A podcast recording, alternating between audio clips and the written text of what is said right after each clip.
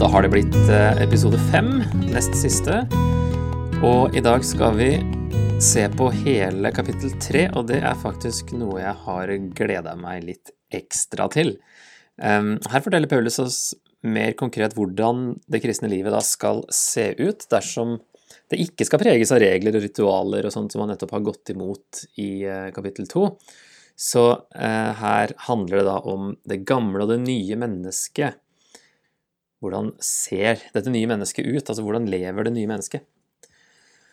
Og det er ganske mye tekst, som dere ser her. hele kapittelet, pluss vers 1 fra kapittel 4 også, som vi må ta med her. Det er en sånn merkelig kapittelinndeling av en eller annen grunn. Så eh, vi får dele det opp litt, og så skal vi ikke gå i for mange detaljer. Og det er jo kanskje litt dumt eh, noen steder, for det er jo ting som eh, man gjerne skal snakke litt mer om. Men vi ser i hvert fall på de eh, første fire versene først, da. Er dere da reist opp med Kristus? Det henter jo opp igjen fra 2.12, hvor han eh, sa at i dåpen ble dere også reist opp med han. Så han, han fortsetter jo på det han sa der om dåpen da i, i vers 12 kapittel 2. Siden de da er reist opp med Kristus, altså kommet til tro og, og dåpen da som eh, et uttrykk for det, så skal de søke det som er der oppe, sier han, hvor Kristus sitter ved Guds høyre hånd. La sinnet være vendt mot det som er der oppe. Så de to her, de eh, forbereder det han kommer til i vers eh, 10-17 om det nye mennesket. Så de skal altså være vendt mot det som er der oppe, ikke mot det som er på jorden. Og det kommer han straks til når han i vers 5-9 snakker om det gamle mennesket, som han da kaller jordiske. Dere er jo døde. Det er jo igjen tilbake til eh, 2.12 og dåpen, da. Han sa altså der at eh, dere ble begravet med ham. Og også til versene rett før, i eh, vers 20-23 i kapittel 2, der han eh, sa at de kan ikke drive og rette seg etter menneskers bud når de med Kristus døde bort fra grunnkreftene i verden. Og så sier han i vers 4.: Men når Kristus, deres liv, åpenbarer seg, da skal også dere bli åpenbart i herlighet sammen med ham. Så her er det piler som eh, peker til venstre, bakover til kapittel 2, og det er piler som peker til høyre, framover til det som kommer i kapittel 3. Så de versene her fungerer da som en overgang, hvor han samler temaer fra kapittel 2 og gir det teologiske grunnlaget for det som følger da i kapittel 3. Så han går videre, etter å ha gått imot vranglæren i kapittel 2, til å altså lage en overgang til det kristne alternativet til menneskers bud og regler. Og det han sier da, er at eh, det naturlige nå, det er å se oppover på Jesus, og ikke på menneskelige, jordiske regler som uansett er irrelevant for det kristne livet. Og for å korte det ned enda mer, at nøkkelen til all åndelig vekst, det er å se på Jesus. Ha blikket vendt mot det som er der oppe, for det er der vi er reist opp åndelig, da. Så det var eh, ganske raskt den første eh, biten. Nå skal vi ta eh, vers 5 til 17. Ehm, og da fordeler vi det i tre, sånn som dette her, med det gamle mennesket til venstre, begrunnelsen i eh, midten, og da det nye mennesket til høyre. Beklager litt eh, dårlig eh, kjønnsfordeling her, men nå har det seg sånn at eh, det greske ordet for menneske, det betyr jo også mann, så vi er på en måte mest i tråd med teksten hvis vi bruker menn som symbol, men vi tenker jo selvfølgelig på mennesker generelt, da. Så spørsmålet er da, hvis askese og jordiske bud er unyttig, hvordan ser da det kristne livet ut? Og her har jeg lyst, før vi går videre, til å ta med et sitat av en teolog som heter FF Bruce, eh, der han eh, sier da at den kristne askese består i å forsake alle syndige tilbøyeligheter, slik at den nye naturen, som er guddommelig plantet inni oss, kan finne et ytre uttrykk i frukten av et hellig liv. Jeg tenker kanskje det kan være med å lage litt sånn eh, ramme for det vi skal snakke om nå, da. For det er litt sånn vrient, det er en sånn spenning mellom gammelt og nytt, da. Eh, vi tar det gamle mennesket først. La da det jordiske i dere dø. Hor, urenhet, lidenskap og ondt begjær og grådighet, som ikke er annet enn avgudsdyrkelse. Så her kommer han med fem, kalle det syndige tilbøyeligheter, ut fra det sitatet nettopp, da. Og han sier videre i vers 6 at alt dette her gjør at Guds vrede rammer de ulydige. Så det her er synd som bringer Guds dom, og derfor er det fullstendig uforenlig med det nye livet i Kristus. Og derfor sier han òg i vers 7 Blant dem var også dere den gang dere levde slik. Så det her karakteriserte dem før, men ikke nå lenger. Men legg nå av alt dette. Sinne, hissighet, ondskap, spott og rått snakk. Så her får vi fem til. Og det at han gir oss to lister med fem ting i hver, det tyder på at det her er eh, representative lister av ting som ikke passer med det nye mennesket. Og selv om Paulus er den som er mest kjent for sånne lister av synder, så kommer det nok opprinnelig faktisk fra Jesus, som i Markus 7 ramser opp det som kommer innenfra og gjør mennesket urent. Og så legger han til i vers 9 lyv ikke for hverandre, som da en, en ekstra en. Begrunnelsen for å slutte med de tingene her som kjennetegner det gamle mennesket, det er at de har kledd av. Dere har kledd av dere det gamle mennesket og dets gjerninger. Og igjen kan det være en kobling til 212 og dåpen, ettersom vi har noen kilder fra Oldkirken som sier at de kledde av seg og tok på seg nye klær når de ble døpt. Men uansett så knyttes det til eh, frelsen, som da knyttes tett til dåpen, da, så det kan jo uansett knyttes eh, til dåpen på den måten. Men hvis man har kledd av seg det gamle mennesket, så er man jo ikke det gamle og det nye samtidig. Men man kan føle og oppføre seg som det gamle innimellom. Ettersom vi ennå ikke har fått den nye kroppen da, som skal vare evig. Så vi lever i en overgang, en spenning mellom de to her. Mellom det som ofte kalles eh, allerede, og det som kalles ennå ikke. Så det er et sånt uh, uttrykk, da. Allerede, men ennå ikke. Så da gjelder det å ikke skli tilbake i gamle vaner. Så de har altså kledd av seg det gamle mennesket og dets gjerninger, og de har, de har allerede, da, i vers 10, eh, iført dere det nye, det som blir fornyet etter sin skapers bilde, og lærer ham å kjenne. Så vi har allerede tatt det på oss, men vi holder på å fornyes til å bli mer og mer som Jesus. Og her eh, skap, sin skapers bilde, altså Guds bilde, det nevnte han eh, helt tilbake i 1.15, at Jesus er den usynlige Guds bilde.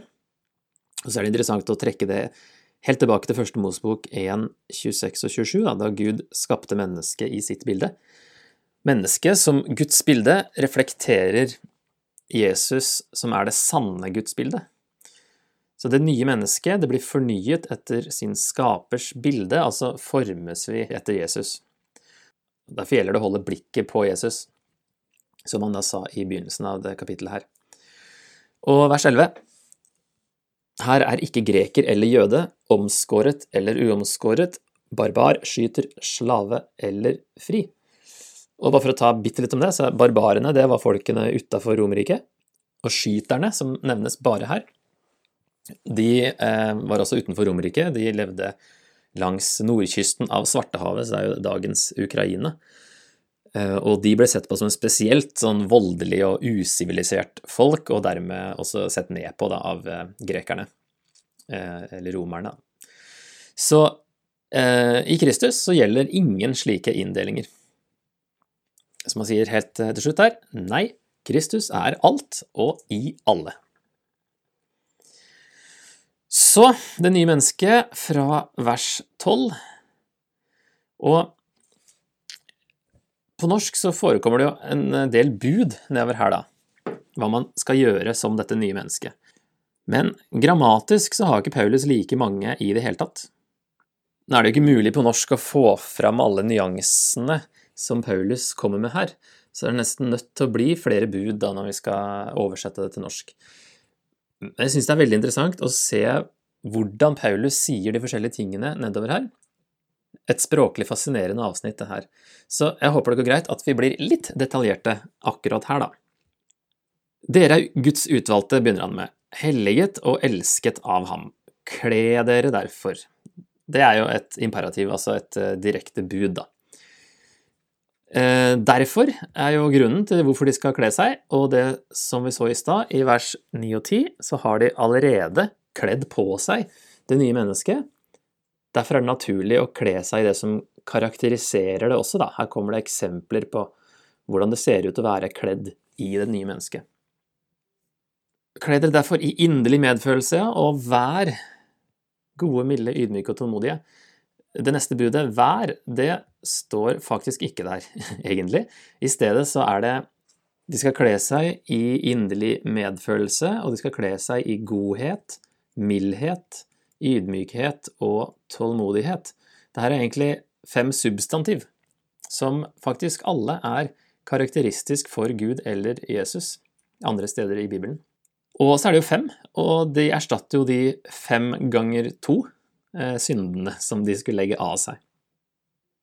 Så kommer det noen verb i eh, presens, nåtid altså. Så dere bærer over med hverandre og tilgir hverandre hvis den ene har noe å bebreide den andre. Så dette her, eh, presens altså, og de er eh, praktiske følger av de fem substantivene over, da, som, eh, av ting som alltid skal skje i det kristne fellesskapet. At vi tilgir hverandre og bærer over med hverandre. Det neste budet, uh, dere skal tilgi hverandre, som står i vers 13, eh, som Herren har tilgitt dere, skal dere tilgi hverandre. Det er heller ikke et direkte bud. Og her er det en annen ting som skjer, det er at faktisk selve verbet mangler. At ordrett så står det som Herren har tilgitt dere, slik også dere. Og så kommer vi til en imperativ til, da.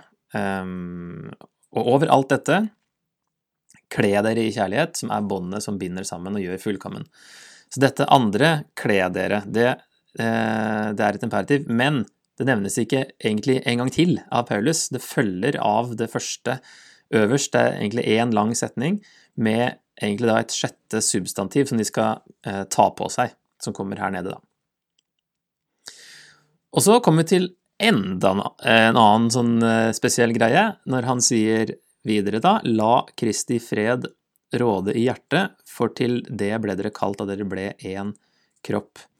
Og vær takknemlige, la Kristi ord få rikelig rom hos dere.